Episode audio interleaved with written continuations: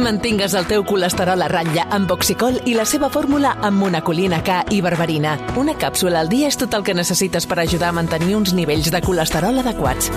Oxicol, perquè cada batec compta. I recorda, troba-la a la teva farmàcia. Havia de ser de Kern Pharma. tema que és garantir la confidencialitat de, de les víctimes, aquest moment de dol que estan passant i precisament per això, si us hi fixeu, hem escoltat molt poques víctimes. I aquest també pot ser un altre debat que, que podeu afrontar, que, que, que això en altres crisis no s'ha fet en cap cas d'aquesta manera. Però, per exemple, companys periodistes o nosaltres mateixos hem intentat anar a l'hotel i ens ha dit no, no parlarà absolutament ningú, respectem, només faltaria que no, el que vulguin dir o no aquestes víctimes. Llavors el tema és, a partir d'ara, o van a aquest edifici o accedeixen a una ajuda directa que serà d'entre 1.000 i 1.500 euros per, per un nou lloguer o desgravacions fiscals que poden ser molt importants en la compra d'un habitatge nou sempre que es quedin a València. Sí, com deies, Jordi, són, són diverses ajudes. El que passa és que eh, davant d'aquest abisme d'haver-ho perdut absolutament tot, mm, sí que, home, 6.000 o 10.000 euros poden arribar eh, si hi ha fills també en aquesta situació, encara que se'ls ofereixi aquest habitatge, encara que hi hagi aquestes eh, ajudes fiscals mm, per unes persones que s'han quedat, eh, com deies tu abans, que pot ser que només portin la roba que duien, fins i tot hi havia alguns testimonis que deien no, és que vaig sortir a córrer eh, i, i quan vaig tornar doncs s'havia cremat tot, mm, allò que surts doncs, amb la roba justa, mm, segurament sense el telèfon mòbil i com deies tu, sense targetes ni documentació, eh, doncs evidentment que aquestes ajudes mm, segurament s'hauran de, de reforçar d'alguna manera. Evidentment que aquí després també intervindran les, les assegurances que, que pugui tenir cada veí, les assegurances que moltes vegades també doncs, van relacionades amb la, amb la hipoteca, però que això en cap cas no és immediat, no? Que aquesta ajuda més immediata és aquesta que, que ens deies ara, tu, Jordi. Sí, mm, o sigui, hi ha, un- hi ha una ajuda ara per, per, per, per al COP, aquests 6.000 euros d'entrada per cada, per cada unitat familiar, estem parlant de, de 138 pisos, i llavors ajudes més a llarg termini per plantejar que, clar, que hi ha un altre element de fons també. Què passarà amb aquest edifici? Aquest edifici s'ha de tirar a terra o aquest edifici potser aguantarà i es podrà restaurar. Una altra cosa és que aquestes famílies vulguin tornar a viure l'horror que han passat aquests dies. Um, de- D'incendis um, estem farts tots de parlar-ne, fins i tot de, de viure en que es crema un pis, dos pisos, tres pisos, un petit bloc que, que, que pugui tenir uns quants habitatges, però clar, és que estem parlant de 138 pisos. Mhm. Aquest edifici és una moli, aquesta zona, el nou campanar de, de, de, de València és, és la gran zona especulativa de, de València. Hi ha un barri molt tradicional, que és el barri Campanar, i que va passar als 2000, que allà hi havia terrenys, que allà hi havia horts, i allò es va tirar tot a terra per començar a aixecar mm, edificis. I, si, i quan hem tingut l'oportunitat de veure una mica des de sobre, pujant edificis eh, una mica més alts, te n'adones que tot el tipus de construcció és, és semblant, és la mateixa estructura, grans edificis amb una gran base, amb centre comercial a sota, amb, amb botigues, amb supermercats, amb hipermercats, i a sobre aquests edificis que tenen entre 10, 15, 17 plantes, i això és el que s'ha cremat. És que, insistim, estem parlant de 138 habitatges Mm. que hi havia en aquest, en, en aquest gran edifici. Ara de seguida parlarem amb el, com dèiem, amb el director del, del Centre de Referència Estatal d'Atenció Psicosocial, que és qui estan gestionant totes aquestes, aquestes ajudes, però abans us vull preguntar a, a la resta. Dolors Camats, bona nit, eh? Hola, bona nit. Què tal, com estàs? Um, tota aquesta gestió, no?, que ara ens explicava el, el Jordi Armenteres, aquesta confusió que hi ha hagut al voltant de tota aquesta informació, és evident que és una situació sobrevinguda, una situació complicada, mm, però precisament per això potser també s'hauria de ser eh, més curós amb aquest tipus d'informació que es dona al voltant d'una situació d'emergència, de crisi com és aquesta, no? Sí. Jo, Jordi comentava una cosa que a mi m'ha sorprès, um, que deia primer dir poca informació i després pocs testimonis. Eh, justament, jo ahir quan, quan estava treballant i quan uh, vaig sentir uh, per la ràdio que hi havia un incendi, vaig mirar teles a veure, perquè parlaven d'una magnitud important, a veure quina tele, uh, si hi havia algú connectat. Vaig començar 324, tal, l'única tele que va connectar era Telecinco. A partir d'aquell moment, Telecinco ha fet des d'ahir a les 5.30 de la tarda uh, un desplegament impressionant, uh, mediàticament parlant, directes des d'allà, els telediaris des d'allà, Per què explico això? Perquè jo he vist, jo he vist, ara deia el Jordi que no hi havia, que no, que els testimonis estaven intentant protegir. Jo he vist testimonis, no amics de testimonis que també, eh, gent, familiars um, de desapareguts que també, sinó testimonis parlant d'ells mateixos, de, la, de possibles veïns que no trobaven. Per mi hi ha hagut una mena de, només amb una cadena eh, de televisió, tanta, tanta, tanta informació que, que ha causat l'efecte contrari, que és la desinformació. És a dir, el ball de números no és culpa d'aquesta cadena, eh? però... Uh... Si una cosa és la gestió que en facin els mitjans de comunicació Correcte. i l'altra és la, la gestió de la informació oficial, Però que aquí també hem vist que hi ha hagut com... No sé si, si un, una de les causes pot haver estat que s'hagin trepitjat entre, entre administracions, fins i tot, no? Perquè eh, hi havia informacions que sí de la policia científica, que sí de la delegació del govern, Sí, que sí del govern moltes veus central, que sí de la principi. Generalitat Valenciana, de l'Ajuntament, vull dir, com molta, molta diversitat. Però que inclús els mateixos testimonis, testimonis vull dir, uh, gent que havia sortit i no hi ha pogut en- entrar, lògicament, uh, parlava de possibles veïns i un et deia un, l'altre et deia dos, familiars, crec que hi havia la meva mare, però no sé si la meva mare estava acompanyada. Tot això, per què t'ho dic? Perquè està, ho deien en directe a la tele. La confusió també, quan han anat als hospitals de campanya, tenien atenció psicològica a, a, perquè les escenes que s'han vist per televisió, una mica d'entès que aquest, aquest tema ja és un altre, és a dir, eh, si tornem a ser les, a la retransmissió de les nenes del Càcer, eh, una cosa mm, més o menys similar, eh, perquè els atacs d'angoixa en directe han sigut tremendos, però aquestes famílies que no trobaven o que no, o no deien de trobar... Avui encara hi havia dues persones, dos testimonis, que tenen famílies a dins i no les han trobat. Una d'elles segurament està desapareguda, l'altra d'elles segurament està morta. Clar, és que aquesta confusió són persones eh, directament, són familiars, eh, directament relacionats amb gent que estava dins. Mm. Per tant, aquí també pot ser que hagi hagut aquí també la confusió, eh, el, el ball de números, eh? Perquè són persones que donen, la, donen testimoni directe a la gent que està allà at- at- Sí, atenent-les. però eh? s'entén que les autoritats eh, oficials no es fixen en, en aquestes declaracions que fan els mitjans, No, no, no, no, sinó en són- informació... Són testimonis reals, o sigui, són familiars. Sí, sí, sí, sí, però una, vull dir que- Una noia que té la mare dins. I per la tele ha dit, si ho diu per la tele, ho dirà a qui la tingui allà, eh? Que hi havia la seva mare dins, però desconeix si hi havia una veïna. Clar, aquesta noia, el testimoni és, és, és bo, és correcte. Per tant, aquest ball de números, a la persona que l'atén de veritat d'autoritat, que apunta un o dos. Sí, però no explica el ball de números de, de, de les, dels cadàvers que han trobat. M'ha d'apuntar noms i cognoms, Sílvia, per començar. És a dir, si apuntes noms i cognoms i no apuntes xifres, és més fàcil saber si un veí està trobant a faltar a, a la teva mare, per entendre'ns, o estan trobant a faltar persones que siguin diferents. No, però la meva mare podia ser que estigués acompanyada Sí, sí, d'una sí, sí, amiga sí. que no viu en aquell edifici i jo com a filla ho he dit. És que això ha passat en directe.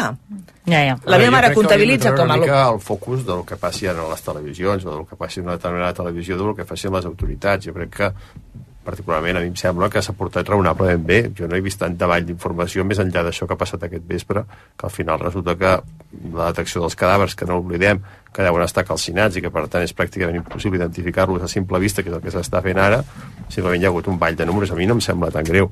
A mi el que em sembla és que d'aquesta tragèdia el que s'ha de fer també és una anàlisi profund de tots els sistemes de construcció que hi ha darrere, de, de, de si això, aquest edifici estava ben fet o no, que sembla que sí, i si, si realment s'ha evolucionat en els sistemes de prevenció d'aquest tipus. A mi m'estranya molt que un edifici tan gran no tingui un sistema de tallafocs adequat, perquè tampoc és un edifici tan antic, i en certa manera també reflexa una certa megalomania constructiva eh, del moviment immobiliari que al País Valencià doncs, eh, fins i tot hi ha una sèrie eh, molt famosa que parla d'això, no? del final de, dels excessos en la construcció i al final, si penses en la magnitud d'aquest tipus d'edificis, doncs potser explica també la tragèdia que hi ha al darrere, que al final és enorme, i doncs també aquestes dificultats per gestionar-la i per davant de les peticions d'informació legítimes i normals de la ciutadania doncs de ser capaços de donar una informació més o menys fidedigna, però jo crec que, sincerament, el que jo he anat seguint Però han faltat, sense, sense han faltat anar informes, a les no? televisions més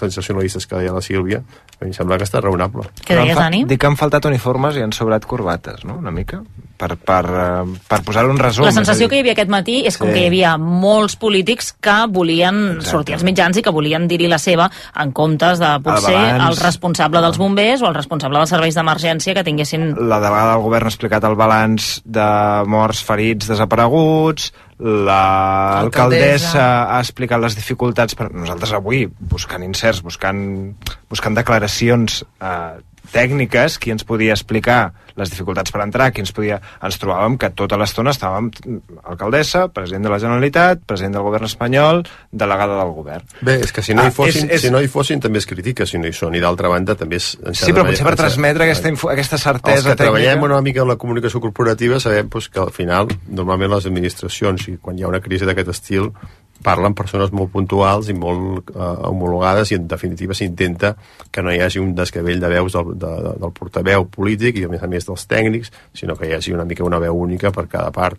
No, Jo- però és que no te n'acabo de dir cinc. I, Sí, i però- cap d'elles és un... però és lògic, potser, però és potser trobo a faltar això un portaveu, igual que en la pandèmia... perquè tenen competències diferents. Igual que en la pandèmia existia una veu tècnica que feia de referència a, a la Moncloa, que, que, que, que, que aglutinava aquest discurs, però No el desproveïa, tècnica, el però desproveïa, el desproveïa d'aquesta pàtina més política, d'aquesta d'aquest eh, contraoferta oferta contraoferta de- d'ajudes o, o, o, o intentar competir per el minut de micròfon, que aquest matí ho hem vist mm, de manera molt clara quan han sortit això, el, el, el president de la Generalitat, l'alcaldessa i delegada del govern i algú més, i la ministra Moran. Moran, Diana Moran, Exacte, sí, sí. Quatre Perquè ella és- és persones de València, és veritat que hi era i la pràcticament no han nit dit ja- res, que pràcticament no han dit res fins al final que ha parlat de la, la delegada del govern. Bé, que és una qüestió de comunicació, estic d'acord que és secundària. És a dir, que aquí Sí, jo penso la, que sí. el principal és, és la, la tragèdia i segurament també començar a pensar en què passa i si s'han de fer...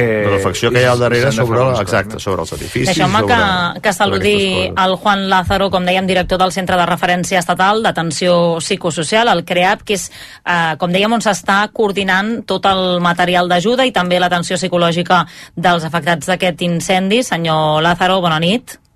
Hola, buenas noches. Eh, Ens pot explicar exactament quina és la seva tasca, què és el que estan fent exactament en aquestes últimes eh, 24 hores?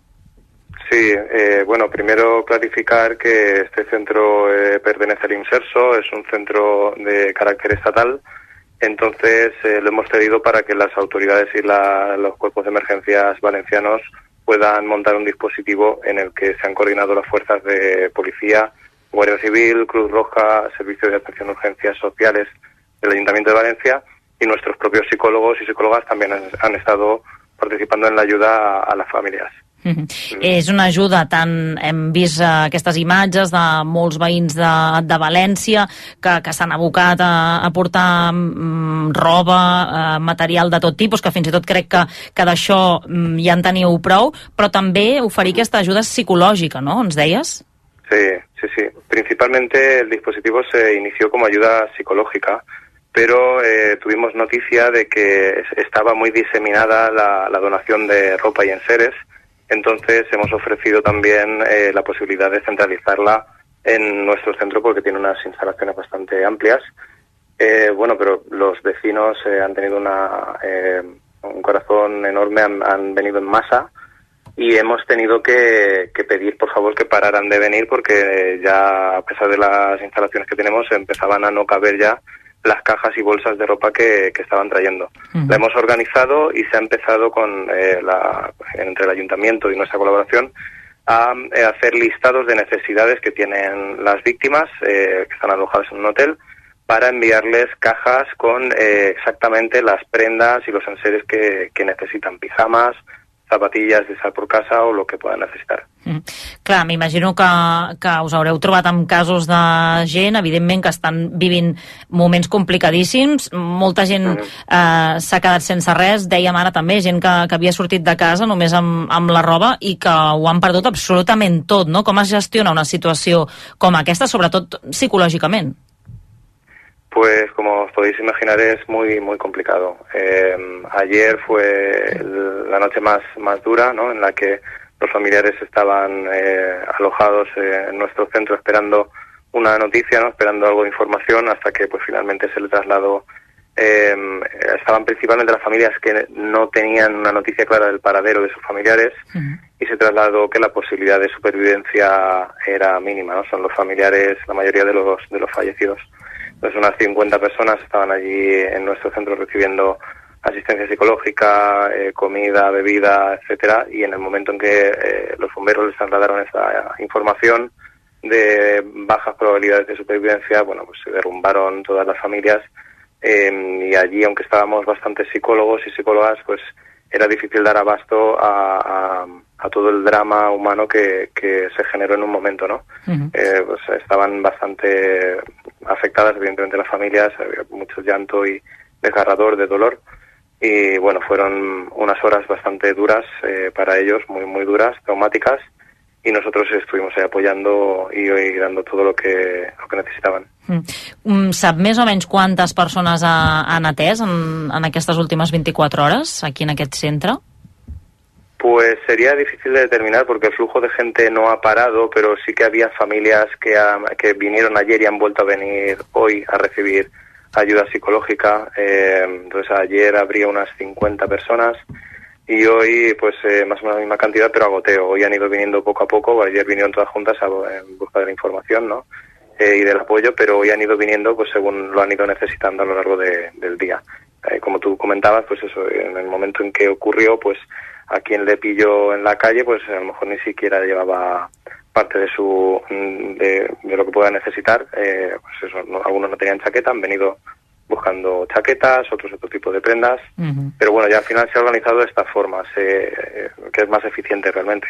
Se les está enviando al hotel en cajas con lo, en base a los listados que nos van passant de lo que necessiten. Mm. Clar, pel que fa a la documentació més bàsica, estic pensant en DNI, eh, carnet de conduir, targetes de crèdit, tot això mm. són les primeres eh, gestions, eh, no sé si vosaltres les esteu fent un cop de mà per poder mm, gestionar tot això, que, que a vegades mm, també es fa xuc els tràmits que s'han de fer per, per tornar a recuperar tots aquests documents, no? Sí, bueno, todavía no están en, en, un momento para poder centrarse en este tipo de trámites porque todavía están sí, sí, eh, asimilando, asimilando la pérdida, ¿no? Pero sí que, bueno, pues eh, cuando han ido llegando, como ha estado en este dispositivo que hemos organizado, estaba la, la policía, han ido pues eh, tomándoles los datos y aunque algunos no tenían eh, la documentación porque la tenían en la vivienda, eh, no importa, la policía les ha tomado todos los datos y se lleva el control de todas las personas afectadas independientemente de que tengan los documentos físicos o no. Esto pues ya cuando más adelante ya lo volverán a recuperar, a tramitar y ya está.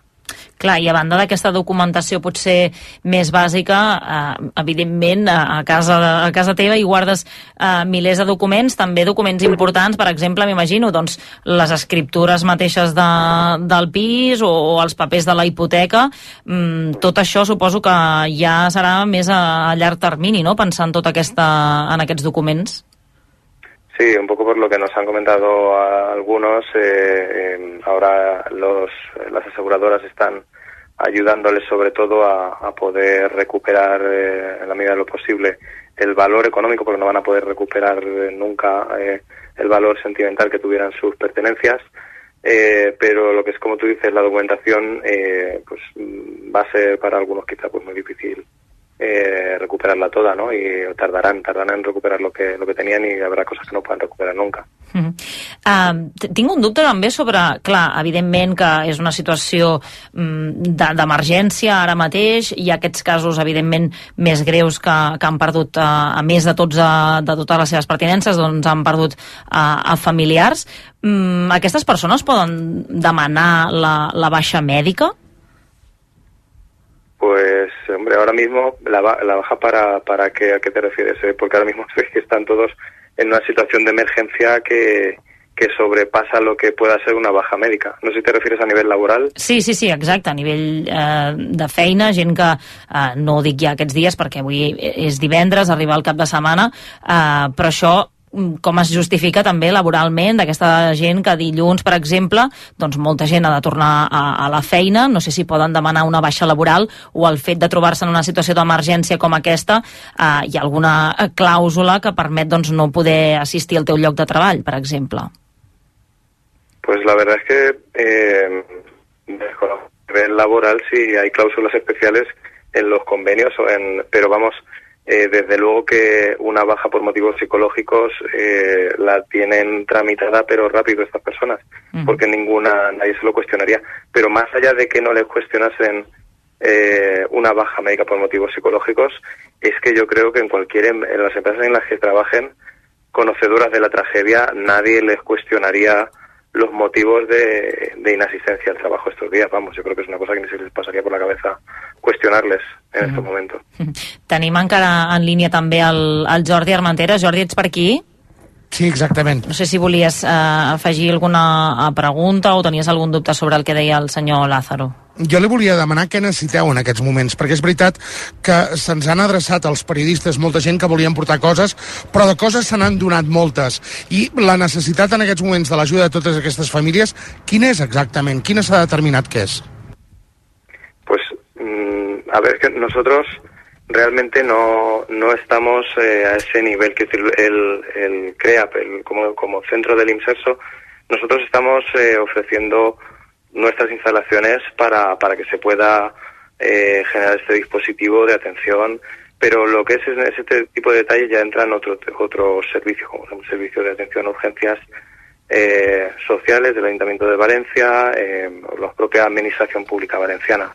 Entonces es que también nuestra competencia en este caso es limitada, es decir, no quiero yo aventurarme más allá de lo que me compete. Doncs, eh, en fi, senyor eh, Juan Lázaro, com dèiem, director del Centre de Referència Estatal d'Atenció Psicosocial del CREAP, que aquests dies doncs, està fent una, una tasca diferent a la que fa habitualment, coordinant tot aquest material d'ajuda i també d'atenció psicològica dels afectats eh, d'aquest incendi. Senyor Lázaro, moltíssimes gràcies per, per atendre'ns aquesta nit al 9C. De nada, buenas noches. Que vagi bé, bona nit. Jordi, vols afegir alguna cosa més? Mireu, al voltant del que estàveu dient, a ningú se li escapa i això cada cop que s'ha de gestionar una tragèdia com aquesta, eh, la, la, a veure, el bon enteni, la bona entesa política eh, sempre ajuda i la mala entesa política sempre pot ser un problema i un greuge i això gairebé podríem dir que s'ha evidenciat que evidentment les relacions del PP i el PSOE són les que són. En aquests moments tant la ciutat de València com el País Valencià la Generalitat està governada pel Partit Popular i eh, el govern espanyol és eh, PSOE sumar. Llavors, eh, quan estem parlant de la delegació del govern espanyol, òbviament estem parlant d'una política o d'un entramat polític eh, que penja de Madrid i que penja del, del socialisme. I en canvi, quan parlem de eh, els polítics de València estem parlant de, del PP aquesta mala maró s'acaba traduint d'alguna manera o altra i, i aquí estem amb uns problemes a l'hora de la gestió de tot plegat que possiblement podrien explicar una part de, de, tot el que, de tot el que està passant, que, que, que, que tampoc és més, que al final és un problema de comunicació, de gestió lenta, eh, perquè sabem que les víctimes estan, estan ben ateses, però s'agrairia a vegades aquest fair play polític quan passen coses d'aquestes, no? Dolors, que encara no t'he no deixat parlar avui. Alguna cosa que vulguis afegir sobre això?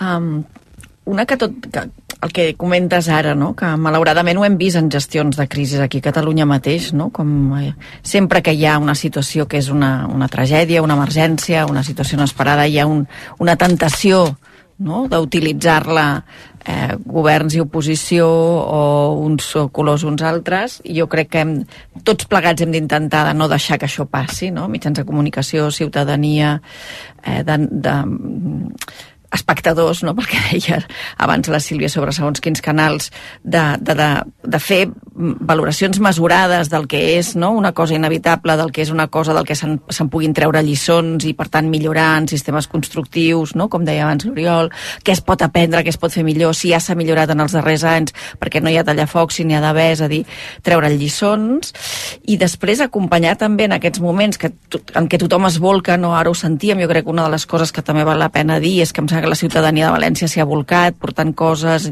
Espectacular, uh, sí. Efectivament, no? i també val la pena dir-ho, com la gent ens no? A, a, empatitzem amb aquestes situacions i, i, i tens la necessitat de poder ajudar d'alguna manera, encara que només sigui portant això, no? unes sabatilles o uns jerseis o el que, o el que calgui. Uh, I l'altre és que normalment aquestes crisis on, on, on es peca, on es fa malament, és al llarg del temps, no? És a dir, d'aquí un any, d'aquí dos, d'aquí tres, quan aquesta gent eh, hi haurà una part de la seva situació resolta, però la part important probablement no, que és l'accés a un nou habitatge, o si és el, en el mateix edifici o en un de nou, no? És en, en la gestió d'aquestes situacions, ho veiem, ho, ho podem veure ara, no sé, amb la gent de la Palma o en altres, Palma, no? o en altres situacions, que és al cap d'un any, de dos, de tres, que cal seguir no? eh, acompanyant-los en el sentit de que la, el, el més greu és ara, però després cal també que es resolgui fins al final, que mai és definitiu, perquè el que hem perdut en alguns casos, evidentment, és la vida d'una persona estimada i és una tragèdia, però en altres, més enllà dels diners, no? són els records, són fotografies, són documentació que potser no recuperes, i és un trauma que et queda per vida, no? Per tant, també és la gestió al cap dels anys. I i, i per tant jo crec que també com a ciutadania més enllà de, que dèiem, eh, del que han fet la gent de València que és intentar portar, ajudar d'alguna manera també, caram, ser una mica exigents amb la comunicació d'ara amb la gestió que es farà amb el temps i amb no tolerar que ningú tingui cap tentació de, de fer-ne un ús eh, de, en, més de corbata fixa't, que d'uniforme fixa't que deia, si tolerem no? que si avui te'n vas al barri del Besòs encara hi ha pisos apuntalats amb luminosi 30 anys després mm Fixa't si, si tolerem, eh? Doncs, uh, Jordi... Deixa'm queixo. Jordi, en, en, en, en Deixa què, plora la criatura. En quin exemple pots posar de, de que s'hagi notat la mala maró, per exemple, de, de les dues forces polítiques? No, bàsicament um, que aquí ha vingut tothom a treure pit, que això estem molt acostumats, que quan passen desgràcies d'aquestes, evidentment tothom, tothom vol sortir a la foto. Evidentment li poso com a periodista perquè sempre passa exactament el mateix i és un manual de comunicació política i això en podeu parlar molt més um, a la taula uh, que jo. Però el tema era uh, mesurar molt les declaracions, si sortia per una banda el president de la Generalitat i sortia l'alcaldessa, després sortia la delegada del govern espanyol, Um, allò de les compareixences conjuntes que moltes vegades s'agraeixen perquè al final demostren una unitat, unitat a l'hora de prendre decisions i treballar, perquè més sabem perfectament que han estat tancats a les mateixes reunions. Llavors, a sant de què primer ha de sortir els d'un partit i després els d'un altre, um, no ens han deixat fer gaires preguntes. Mm, saps? Um, ja, ja. És, és d'aquelles coses que que no acaben de ser. I llavors la gent que ve... Diana Morant és ministra del govern d'Espanya, és veritat, però ningú se li escapa que Diana Morant probablement d'aquí un mes i mig serà la substituta de Ximo Puig al capdavant del PSPB, del Partit Socialista del País eh, Valencià. I, i, I per molt que sigui d'aquí, per molt que vingui aquí, eh, doncs Diana Morant avui sortia a totes les fotos. Hem vist a Ximo Puig, està parlant un moment amb Ximo Puig, el ens coneixem de fa uh, molts anys i, i ell està acostumat a, a, a, a gestionar tragèdies. L'últim incendi que hi havia a cavall del País Valencià i l'Aragó, jo hi vaig ser uns quants dies també en aquell foc, i Ximo Puig venia, venia cada dia. I, i, I Ximo Puig, no m'equivoco, era veí d'aquest barri, no també? No sé si era del Campanar, que és el barri del costat. Ah. Aquest és el nou sí, el nou campanar. Sí, sí, sí, sí, sí, això és nou campanar. Que de fet hi ha molta gent que diu el barri del campanar. No, és nou campanar. Vull dir, es, es va rebatejar el barri com a, com a nou campanar tota l'ampliació que es va fer a partir dels anys, dels anys 2000, no? Però és, és molt notori i a més estem parlant de, de València, on, on la crispació política que en aquests moments hi ha a Madrid, ostres, a València durant molts anys va ser, va ser un ABC de la política i era un manual de, de política pràctica eh, per, per, per poder prendre decisions. No? Mm -hmm. Jordi, moltíssimes gràcies. Que vagi molt bé, bona feina. Bona nit i fins demà. Adeu, que vagi bé. Mireu, precisament, abans dèiem el tema de, dels materials, no? També, Oriol, em sembla que ho comentaves tu sobre la propagació ràpida de, perdoneu, d'aquest foc. Ahir parlàvem d'un possible material que era el, pol, el propilè, Uh, però avui experts en la matèria han dit que no, que seria polietilè el que estaria, o al revés, ara em sembla que ho estic dient. Uh, bé, en tot cas, era un material el que s'havia dit ahir, és un altre material el que s'ha dit uh, avui. Ens arriba una informació del Departament de Territori de la Generalitat, en aquest cas de Catalunya, que ha proposat que es creï un grup de, de treball que estigui guiat per la Direcció General d'Ordenació del Territori, d'Urbanisme i d'Arquitectura i que també hi formin part col·legis de professionals professionals, com el d'arquitectes o el d'arquitectes tècnics i d'edificació, amb l'objectiu de definir precisament algunes accions i mesures respecte a possibles edificis que estiguin en risc també aquí a Catalunya perquè s'hagin construït durant aquesta època quan aquest material, recordem, sí que estava permès, perquè sobre això també se n'ha parlat molt, com pot ser que un edifici nou estigués construït amb un material que es considera que és inflamable, eh, a, a, això va ser a partir d'una data que es, va, que es va prohibir aquest material eh, que era posterior a la construcció d'aquest edifici de, de València. Doncs bé, en aquest cas el Departament de Territori també diu que des del de, març del 2006 el codi tècnic obliga a comunicar tant l'inventari dels materials com també tota la documentació que hi hagi d'aquests projectes als col·legis professionals. Per tant, hi ha d'haver aquest llistat de materials que s'han fet servir en tots els edificis eh, que hi ha construïts, però com deia el Dani, tenim molts edificis, també exemples d'edificis amb problemes eh, estructurals, els quals continuen apuntalats. I ho estem veient, per exemple, ara a Badalona. A Badalona. És a dir, um, potser les coses que estan passant i dues que estan passant ara mateix, en aquestes Sí, setmanes, sí. hauríem de fer una reflexió justament sobre això, sobre les inspeccions de tècniques dels edificis, que hi ha una part que segur que és de les administracions, no? si aquestes inspeccions són prou exhaustives, um, si no ho són perquè si ho fossin seria inviable i obligarien a molta gent a la pobresa, perquè realment si tu et fan una IT i et diuen al teu edifici... Eh, Sí, sí, imaginem-nos que ara hi hagués centenars d'edificis afectats a doncs, Catalunya, eh, què fas, Has de no? posar 30.000 euros per veí, doncs molta gent mm, faria fallida, moltes famílies farien Mhm. fallida. Per tant, això seria un problema si es fa per no, per no evitar aquest problema de no ser prou estricte, eh, però, però, però hi ha una tendència. És a dir, hi ha una tendència que és, excepte en el cas del fibrosament, del, de l'amiant, Mhm. a mm, canviar les normatives, descobrir que hi ha coses que són perilloses, però després no eliminar aquelles coses, la sinó grossa, canviem, canviem la normativa, allò es queda allà i després, en aquest cas ha passat així, en aquest cas hi ha, hi ha dues, de fet hi ha dues teories, és a dir, hi ha dues teories. L'ú- L'última informació eh, eh, que, que, que donava com a mínim la, una de les pèrits que havia fet és que que ja no era ni tan sols el material interior que era ignífug, sinó que era llana de roca, eh, però, que, però que igualment l'efecte aquest xamaneia que fa la, la separació entre la façana, diríem, ventilada i la façana real, i l'alumini antic que hi havia, eh, que, sí que, que sí que podia arribar a cremar a partir d'uns certs graus, mm, bé, una cosa està... Si hagués estat el plàstic, diríem, estava prohibit el 2006. L'altre es va prohibir el 2017, després de l'incendi de Londres del, Sí. del Grenfell. Sí, com sigui, ara està prohibit. Mhm. Um, no hi ha una línia d'ajudes si això es detecta que és perillós que ha cremat un incendi a Londres amb 72 persones amb 72 persones mortes uh, per, per, per mm, inspeccionar els, els, els edificis que existeixen ara A veure, jo- i, i jo- poder, Però jo compte crec que amb l'estat d'alarma, jo eh? crec que I hauríem de posar ser ara una mica Compte amb l'estat I d'alarma després, perquè- no, només una cosa, eh, perquè jo entenc el que diu el Dani, però no, no podem aplicar normativa actual del que sabem, dels materials i del que exigim a un habitatge d'avui al parc d'habitatges que tenim construït. Aquest barri on estem ara hi ha habitatges dels anys 30 i no els hi podem fer complir des del punt de vista dels materials, no? Una altra cosa és des del punt de vista de la seguretat. de la seguretat, sí. De la seguretat, sí. I per això cada edifici del entre nostre plantes. país que té més de 40 anys té una inspecció tècnica que avalua les, mm, les deficiències I que, que pugui tenir entre greus, no greus o poc greus i que algunes es poden solucionar ràpidament i altres, doncs, evidentment, s'ha de veure el què quan són greus.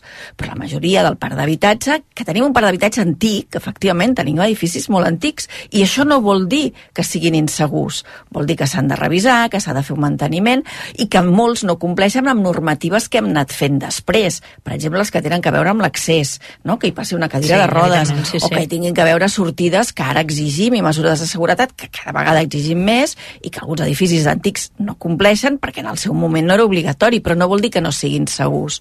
Ho dic perquè són dues Sí, coses. però tampoc- però tampoc pisos no vol dir que no està- està- no era totalment, Clar, és totalment estava bé. a, sota normativa. Hi ha accidents eh? que Ara, passen també és veritat que la coses que climatologia no ha ajudat, un sèrie, un sèrie de factors que han acabat d'arrodonir aquesta mena de catàstrofe bestial.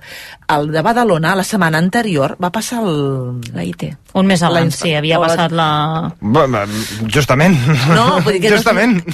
Sí, però Potser que no... aquestes idees són massa laxes.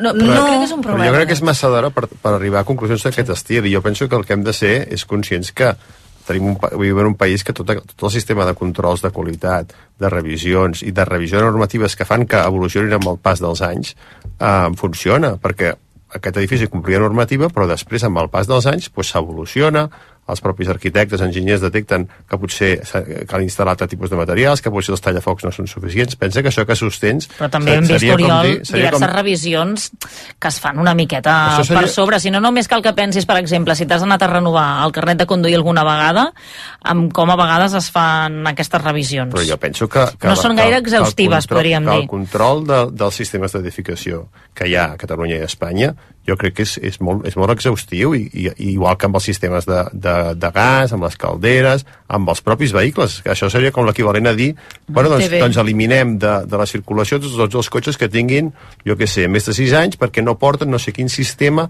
que amb el pas dels anys s'ha anat instaurant els cotxes doncs, però, doncs progressivament aniràs, aniràs eliminant aquest, aquest parc de vehicles. Però el que no pots fer és eliminar un dia per l'altre doncs amb els edificis és el mateix, les, les normatives i les millores tècniques i el progrés en definitiva i el coneixement tècnic va augmentant, però tu no pots pretendre instal·lar- instal·lar-ho això de zero sí que pots fer-ho si efectivament hi ha un, un risc imminent i si els tècnics consideraven, i en aquest cas sembla que ho consideraven que no hi era, doncs No hi era, eh, i- i- el, que, el, que és evident és que quan, el que és evident és que quan hi ha una tragèdia així també S'han de. Clar, serveix, és que- és serveix d'aprenentatge per És aquest- veure si hi ha Clar, algun sí. sistema que ha fallat. Jo crec que en aquest, jo crec particularment, i m'aventuro, eh, que jo crec que en aquest cas a mi em sorprèn molt més la capacitat que té el foc per escalar sí. sense que hi hagin sistemes de tallafoc que no pas la pròpia construcció del mater dels propis materials Doncs, inflamables. doncs un incendi com aquest, el 2017, va obligar a canviar normativa europea. És a dir, uh, jo només crec que estem dient una mica el mateix. Sí, sí, sí, sí, sí, eh? mm, mirem què ha passat i apliquem-ho. És a dir, Ah. que potser, que, que, que, que potser són a- aplicar tallafocs entre plantes, que no, no, no s'han de desmuntar les...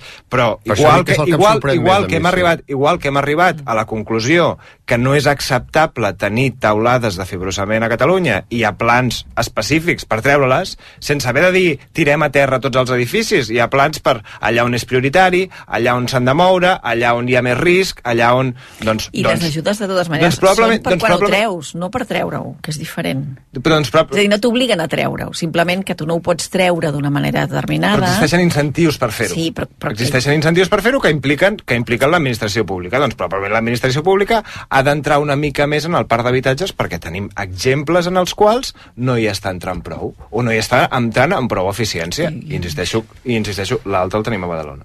Passen gairebé 6 minuts de dos quarts de 10 de, de la nit. Farem una pausa i ara quan tornem seguirem parlant d'incendis, però no d'aquest tipus, dels incendis forestals, perquè eh, aquesta setmana mm, ha començat aquest pla de prevenció dels incendis forestals quatre mesos abans del que es fa habitualment, perquè ja alerten que la situació també dels boscos aquest any és una, una situació que no s'havia vist eh, en molts i molts anys. Una pausa i ara de seguida en parlarem també aquí al 9C. No ho sé, amb Anna Ballonesta. En què et fixes quan esculls un llibre? En el títol, l'autoria, l'editorial, la coberta... Però té el segell d'Ecoedició? L'Ecoedició és una forma innovadora de gestionar les publicacions amb criteris de sostenibilitat ambiental. Entra a institutecoedició.cat i descobreix quin paper jugues a l'hora d'escollir un llibre. Fes un bon paper. Escull Ecoedició. Cada cop més taronges tenen aquest gust, perquè no totes reben l'estima d'una família. Una gran taronja només és possible quan hi ha passió i cura per cada detall. I això només és possible quan darrere hi ha una gran família. Taronges Fontestat. El valor de ser família. Marta, què et passa? És que el Marc ha tornat a suspendre i ja no sé com ajudar-lo. Nosaltres estàvem igual que tu i ens van recomanar profe.com. Des d'aleshores la Marina està motivada i ha millorat molt. Profe.com? Sí, tenen professorat qualificat amb classes online, personalitzades, adaptables als teus horaris i per totes les assignatures. La primera classe és gratuïta. Doncs ara entro a profe.com. Vine als Special Days de Romakuruma Mazda. Només aquest divendres 23 i dissabte 24 de febrer. Ofertes increïbles amb descomptes irrepetibles. Ara és el moment d'aconseguir el teu Mazda amb les millors condicions. Recorda, només aquest divendres 23 i dissabte 24 a Romakuruma, concessionari oficial Mazda a Mataró i Sabadell. T'hi esperem. romakurumamazda.com Sí, sí, molts portals, moltes webs, molts concessionaris, però al final el tracte, les facilitats i allò que necessitava a l'hora de trobar un cotxe només ho he aconseguit a edificar.com. No t'ho creus? Prova-ho, prova-ho! edificar.com. I si fa falta, te'l portem personalment fins a casa. RAC més 1, podcast. Si li pregunto al xat GPT quines són les 5 qualitats d'un emprenedor, què em dirà? Visió innovadora. Disposició a arriscar-se. Flexibilitat. Visió de negoci. Empatia. I si li pregunto al xat GPT que em suggereixi un lema pel podcast d'emprenedors de RAC més 1, O canvies el món, o el món et canviarà tu. doncs no se'n parli més. A RAC més 1, RAC and Go.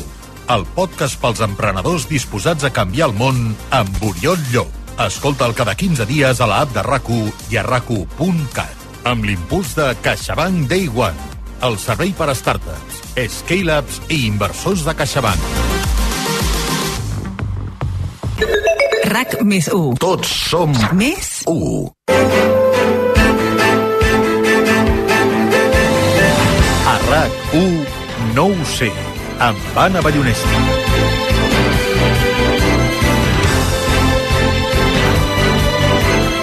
Les eh, 9 i 39 minuts, com dèiem, seguim parlant d'incendis, però d'un altre tipus, perquè avui explicàvem que el grup de prevenció d'incendis forestals ha hagut d'avançar quatre mesos, eh, que no són pocs, aquest operatiu per culpa de la sequera i per parlar-ne i per saber també quins efectes pot tenir això en els propers mesos tenim en línia la directora general de Boscos d'Acció Climàtica, la senyora Anna Sanitges. Senyora Sanitges, bona nit.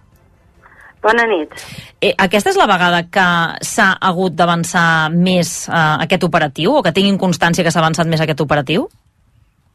Sí, exacte. El, el GPIF, la veritat és que treballa tot l'any, però tenim un equip de reforç durant els mesos d'estiu que normalment doncs, eh, es contractava a partir del 15 de juny, però amb les circumstàncies actuals de, de sequera tan extensa i intensa que arrosseguem a, a tot el país, doncs hem cregut convenient avançar-lo aquests quatre mesos i han començat aquest 15 de febrer. Per tant, anava normalment, habitualment, del 15 de juny fins quan? Fins al 15 de setembre. I ara està previst que, o sigui, ja ha començat ara i també que s'allargui fins al 15 de setembre? Uh, en principi uh, hem d'acabar de veure com evoluciona la campanya i dir al setembre és dir molt enllà, però estem plantejant totes les opcions per si s'hagués d'allargar fins a octubre o novembre. Mm. La veritat és que el grup de prevenció d'incendis, uh, el grup especial de prevenció d'incendis el que fa és, uh, en l'època de baix risc, el que fa són treballs de prevenció d'incendis, netegen basses, arreglen camins, i per exemple ara estan traient molts arbres morts per la sequera, i durant l'època de més perill, on els episodis de més perill el que fan és vigilància i primera intervenció quan hi ha un petit incendi i això ho fan de manera coordinada amb les ADFs i amb el cos d'agents rurals. Mm -hmm. Val, perquè li, el que li anava a preguntar precisament és que si això abans es feia del 15 de juny al 15 de setembre i ara es fa des del febrer fins quan faci falta, si tenint en compte aquesta situació de sequera que, que tenim, si aquesta prevenció, aquestes tasques potser més intensives no s'haurien de fer els 12 mesos de l'any. Sí, el que passa és que hem de dimensionar en funció de, de les necessitats, no? Nosaltres el que fem és cada any una anàlisi amb el Servei de Prevenció d'Incendis de l'estat de la vegetació, de l'evolució de les zones més crítiques i en funció d'aquest estat i de la previsió és en el que dimensionem aquest dispositiu. Mm. Com descriuria ara mateix la, la situació dels boscos? Doncs ara mateix molts boscos de Catalunya estan als, al límit. Uh, parlem de que ens trobem una situació d'emergència forestal, una emergència forestal marcada per aquesta sequera tan extrema que, que patim, però també per l'abandonament de, de la gestió forestal, de que dels darrers 40 anys doncs, hem deixat de, de tenir cura dels boscos, de treballar-los i d'aprofitar-los, i això ha fet que cada vegada tinguem més arbres i més sotabosc que puguin cremar. No? Per tant, ara tenim una gran superfície de boscos a Catalunya, molts d'ells molt joves, molts d'ells amb molts arbres que malviuen i competeixen per aquest eh, recurs escàs que és l'aigua. Clar, anava a dir, precisament, tot i l'abandonament o aquests problemes que fa temps que, que s'arrosseguen, eh, la sequera això ho ha acabat d'empitjorar de, del tot. Exacte, exacte. Tenim eh, això que, que, que parlem des del departament no és una percepció, sinó que portem tot un sistema de mostreig i de seguiment de l'estat de la vegetació, de com de seca està aquesta vegetació, i les dades que tenim de sequera d'aquest eh, febrer no havien estat mai eh, iguals els darrers 30 anys, els darrers 30 febrers. Uh -huh.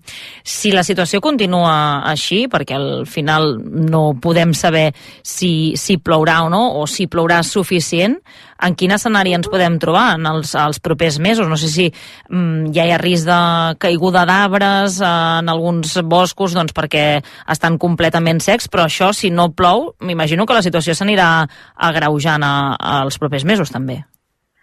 Sí, la veritat és que l'escenari doncs, és, és complex i si no plou ens podem enfrontar amb una de campanya d'incendis de les més difícils dels, dels darrers 30 anys, no?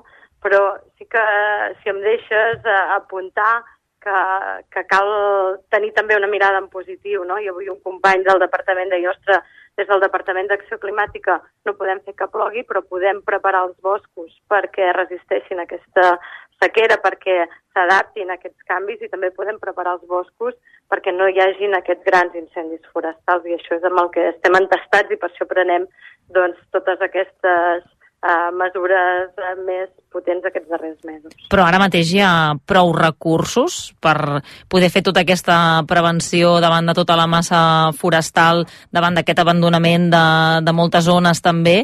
Hi ha prou recursos per gestionar tot això a, a pocs mesos de que comenci, vostè ho deia ara, d'un dels estius que pot ser més complicat dels últims 30 anys?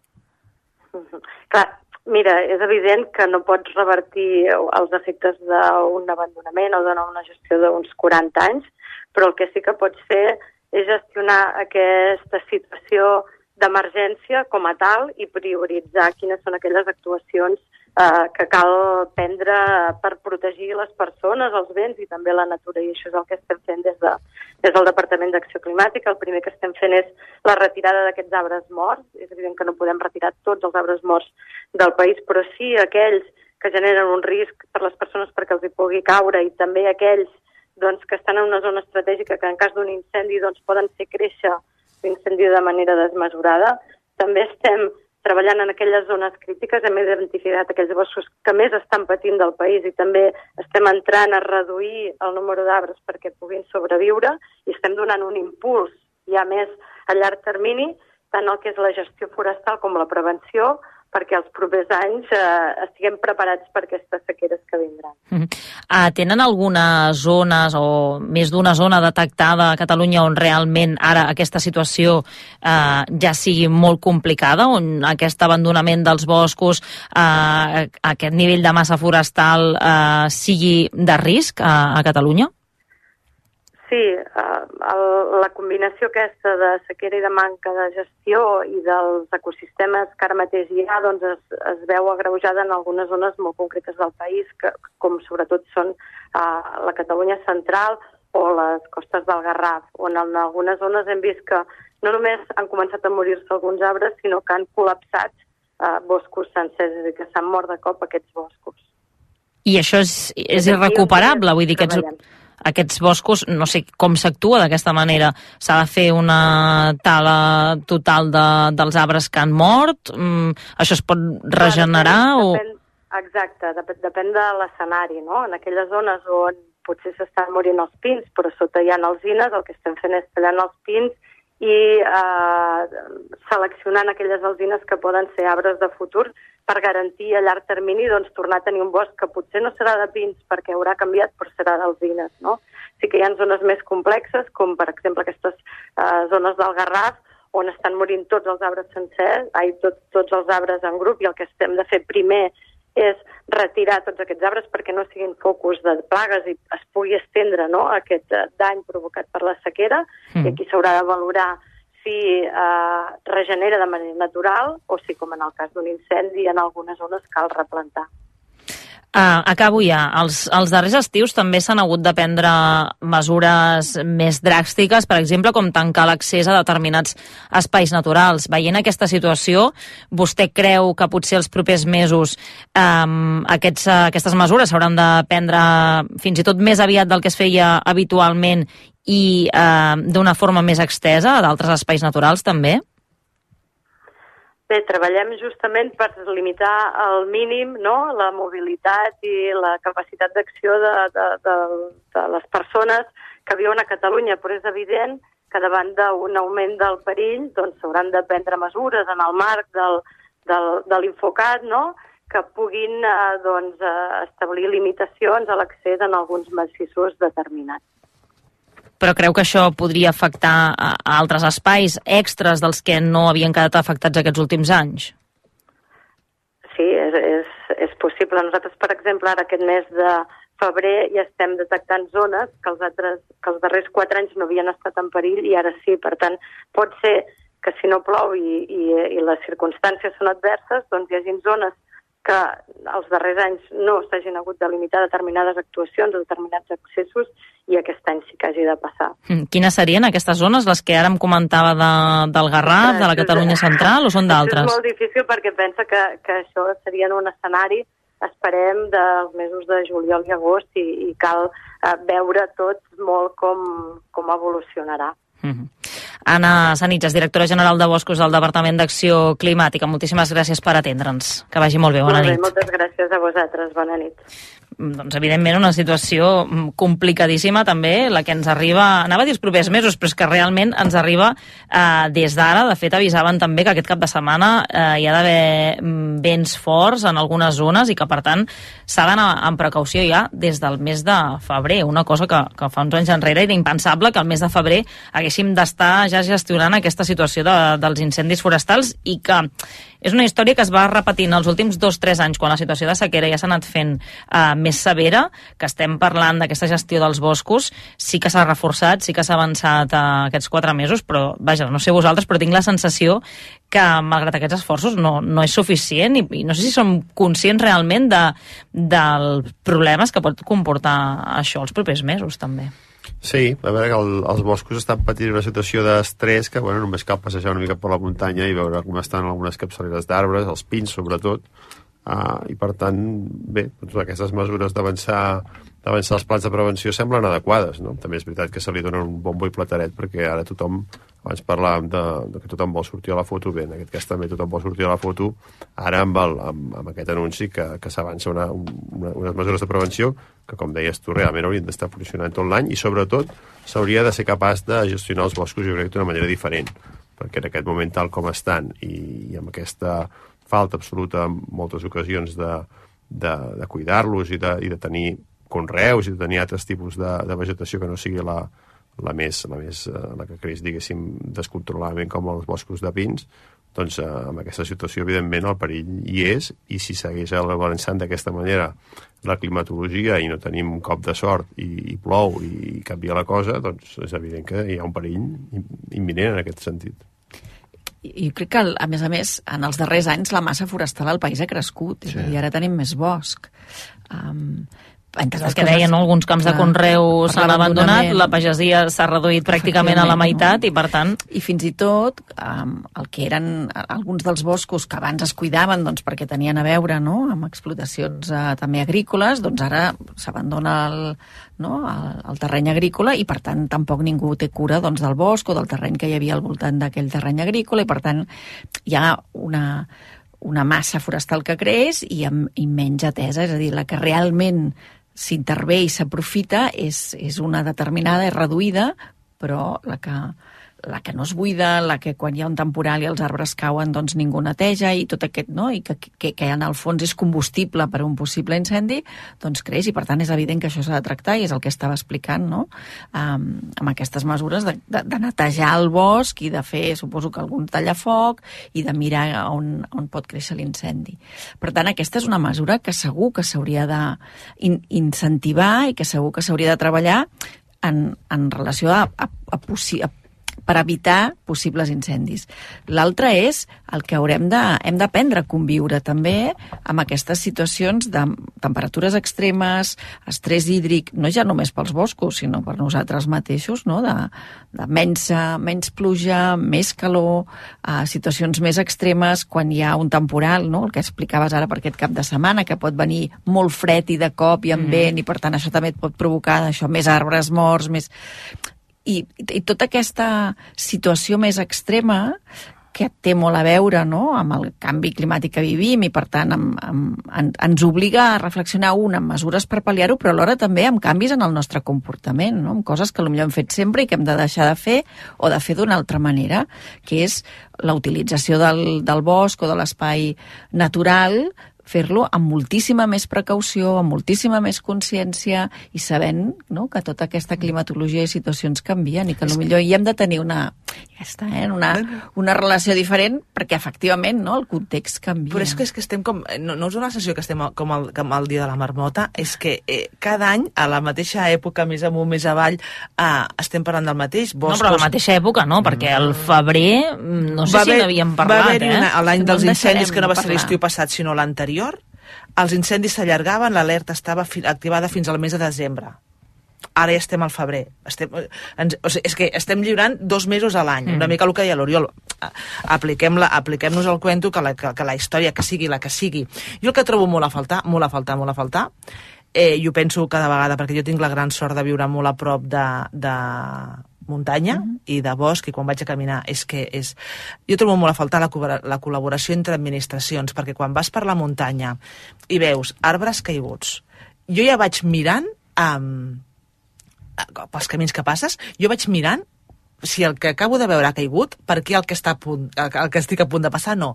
Ja vas com amb por perquè dius, si aquest acaba de caure, aquest caurà. Mm -hmm. Llavors, aquesta com deixadesa, entre cometes, uh, o falta de recursos o falta de voluntat s'ha de poder, uh, s'ha de poder eh, solventar d'alguna manera i, i em dóna la sensació que cada any estic com el dia de la marmota i quan es cremi aquell bosc tots direm, és que podríem haver fet més sí, o mesures, o multes, o sancions però sobretot col·laboració i entesa entre les administracions, la un... municipal i la supramunicipal. Però és que ha arribat a un punt que o sigui, és impossible portar a seguir el ritme a la mort dels boscos. És a dir, portem 3 anys de sequera històrica, um, el Garraf és impressionant, vull dir, és que... Se m'ha estat molt preocupada, això que ha dit, eh, que estan majoria, morint grups d'arbres... Sí, sí. La majoria dels arbres estan morts, a Catalunya Central és al voltant d'un 10%, i aquesta setmana parlàvem amb experts del CREAF, um, és, hem passat un punt de no retorn i canviarem el paisatge de Catalunya. És a dir, el paisatge de Catalunya deixarà de ser boscos de coníferes com estem habituats ara, mm -hmm. pins, sí. eh, avets, eh, i passarem a tenir deveses com Andalusia, eh, boscos de roures alzines... Això ens obliga de, a canviar de, nosaltres, És a dir, també. hem arribat, hem arribat ja a aquest punt perquè la feina que ha fet la sequera en aquests 3 anys, en molts casos, és irreversible o molt difícil de, rever, de revertir perquè estàs matant eh, arbres que tenen dècades. Però el problema eh, en para... i, i, ja estan morts. Ja però el perill en paral·lel... L'extensió de pins que hi ha tampoc és un paisatge natural de Catalunya. Però no el perill en paral·lel... És, un tema és la sequera i que ens quedem sense boscos, però aquests no, boscos mai. que ara estan morint s'han de poder treure, que és una mica el que deia, no? Ah, que, que aquests boscos que ara tenim estan caient, s'estan trencant arbres, estan morint arbres, estan... són obstacles per un possible incendi que tindrem d'aquí dos mesos. Només un apunt, eh? Ho estem... Sigueu breus, eh? Sisplau, sí, que he de saludar una persona encara abans d'acabar. És a dir, ho diem com si ho hagués de fer algú. La gestió del bosc sempre ha sigut, o la gestió del, del terreny comú sempre ha sigut una qüestió comunitària, no només pública, sinó del comú, que som tots també. Home, però és que els boscos tenen propietat. I privada, sí, correcte. alguns no. A veure, un, un moment, un moment. Deixeu-me que saludi una persona que normalment ens acompanya aquí a l'estudi, però que avui està una mica lluny. Abel Caral, bona nit, com estàs? Bona, bona nit, molt bé. Estic a l'estranger, de fet, eh? Ah, sí? Estàs a Andorra, no? Estic a Andorra, sí, ara, sí. Ara ens expliques què fas a Andorra, però em sembla que estaves escoltant tota aquesta sí, conversa. No sé si vols afegir alguna cosa més sobre aquesta situació i aquest perill d'incendi que tenim ja aquest mes de febrer. Sí, una cosa que ens hi hem d'anar potser acostumant i que ja fa molts anys, com dèiem, doncs, que, que veiem que la temporada d'incendis s'allarga. L'any passat vam tenir la sort que vam anar a veure la Moraneta amb eh, els del versió RAC1 i va començar a ploure al maig i al juny eh, i la cosa va, va minvar. Però sí, és un, és, un, és un fet que potser ens hi hem d'anar eh, acostumant. Avui tenim mapa, estava ara mentre us escoltava mirant el mapa de risc d'incendi a Catalunya, eh, finals de febrer, i tenim risc moderat en moltes comarques, risc alt en molts sectors de les comarques de Tarragona i sud de les de Barcelona i en alguns casos, a causa del vent que continuarà bufant demà i que s'intensificarà fins i tot al centre i sud del país, risc molt alt d'incendi. Uh, per tant, molta precaució perquè associem els incendis a la calor, però no té per què fer calor perquè hi hagi incendis i menys amb aquesta sequera. La bona notícia és que ara mateix tenim algunes precipitacions, està mirant el radar de, del Servei Meteorològic de Catalunya, entre a cavall de la Noguera, el Pallars Jussà, al nord de la Sagarra, el Solsonès, uh, sud de l'Alt Urgell, zones boscoses doncs, que com a mínim estem remullant una mica, i aquí a Andorra Ara mateix estem al coll de la botella, 2.000 metres sopant, en, una, en un espai eh, eh, magnífic, i està caient una bona nevadeta, que també això, doncs, al final també tot és aigua que s'anirà primer al riu Valira i després cap al Segre i acabarà també doncs, els embassaments catalans. Ara de seguida el Gori Massip, que t'està substituint avui, ens explicarà la, la previsió meteorològica per aquest cap de setmana, però, Abel, eh, no t'hem fet connectar perquè ens parlis d'incendis, sinó perquè ens expliquis què hi estàs fent exactament aquí a Andorra. Doncs mira, estem a la setena trobada, és la setena, vam començar el 2016 a la primera edició, i ha hagut la pandèmia entre mig i dos anys que no es va fer, però aquesta eh, setena, la setena trobada eh, d'una... Bé, doncs és una, una trobada internacional, podríem dir, d'homes i dones del temps de diferents països d'Europa.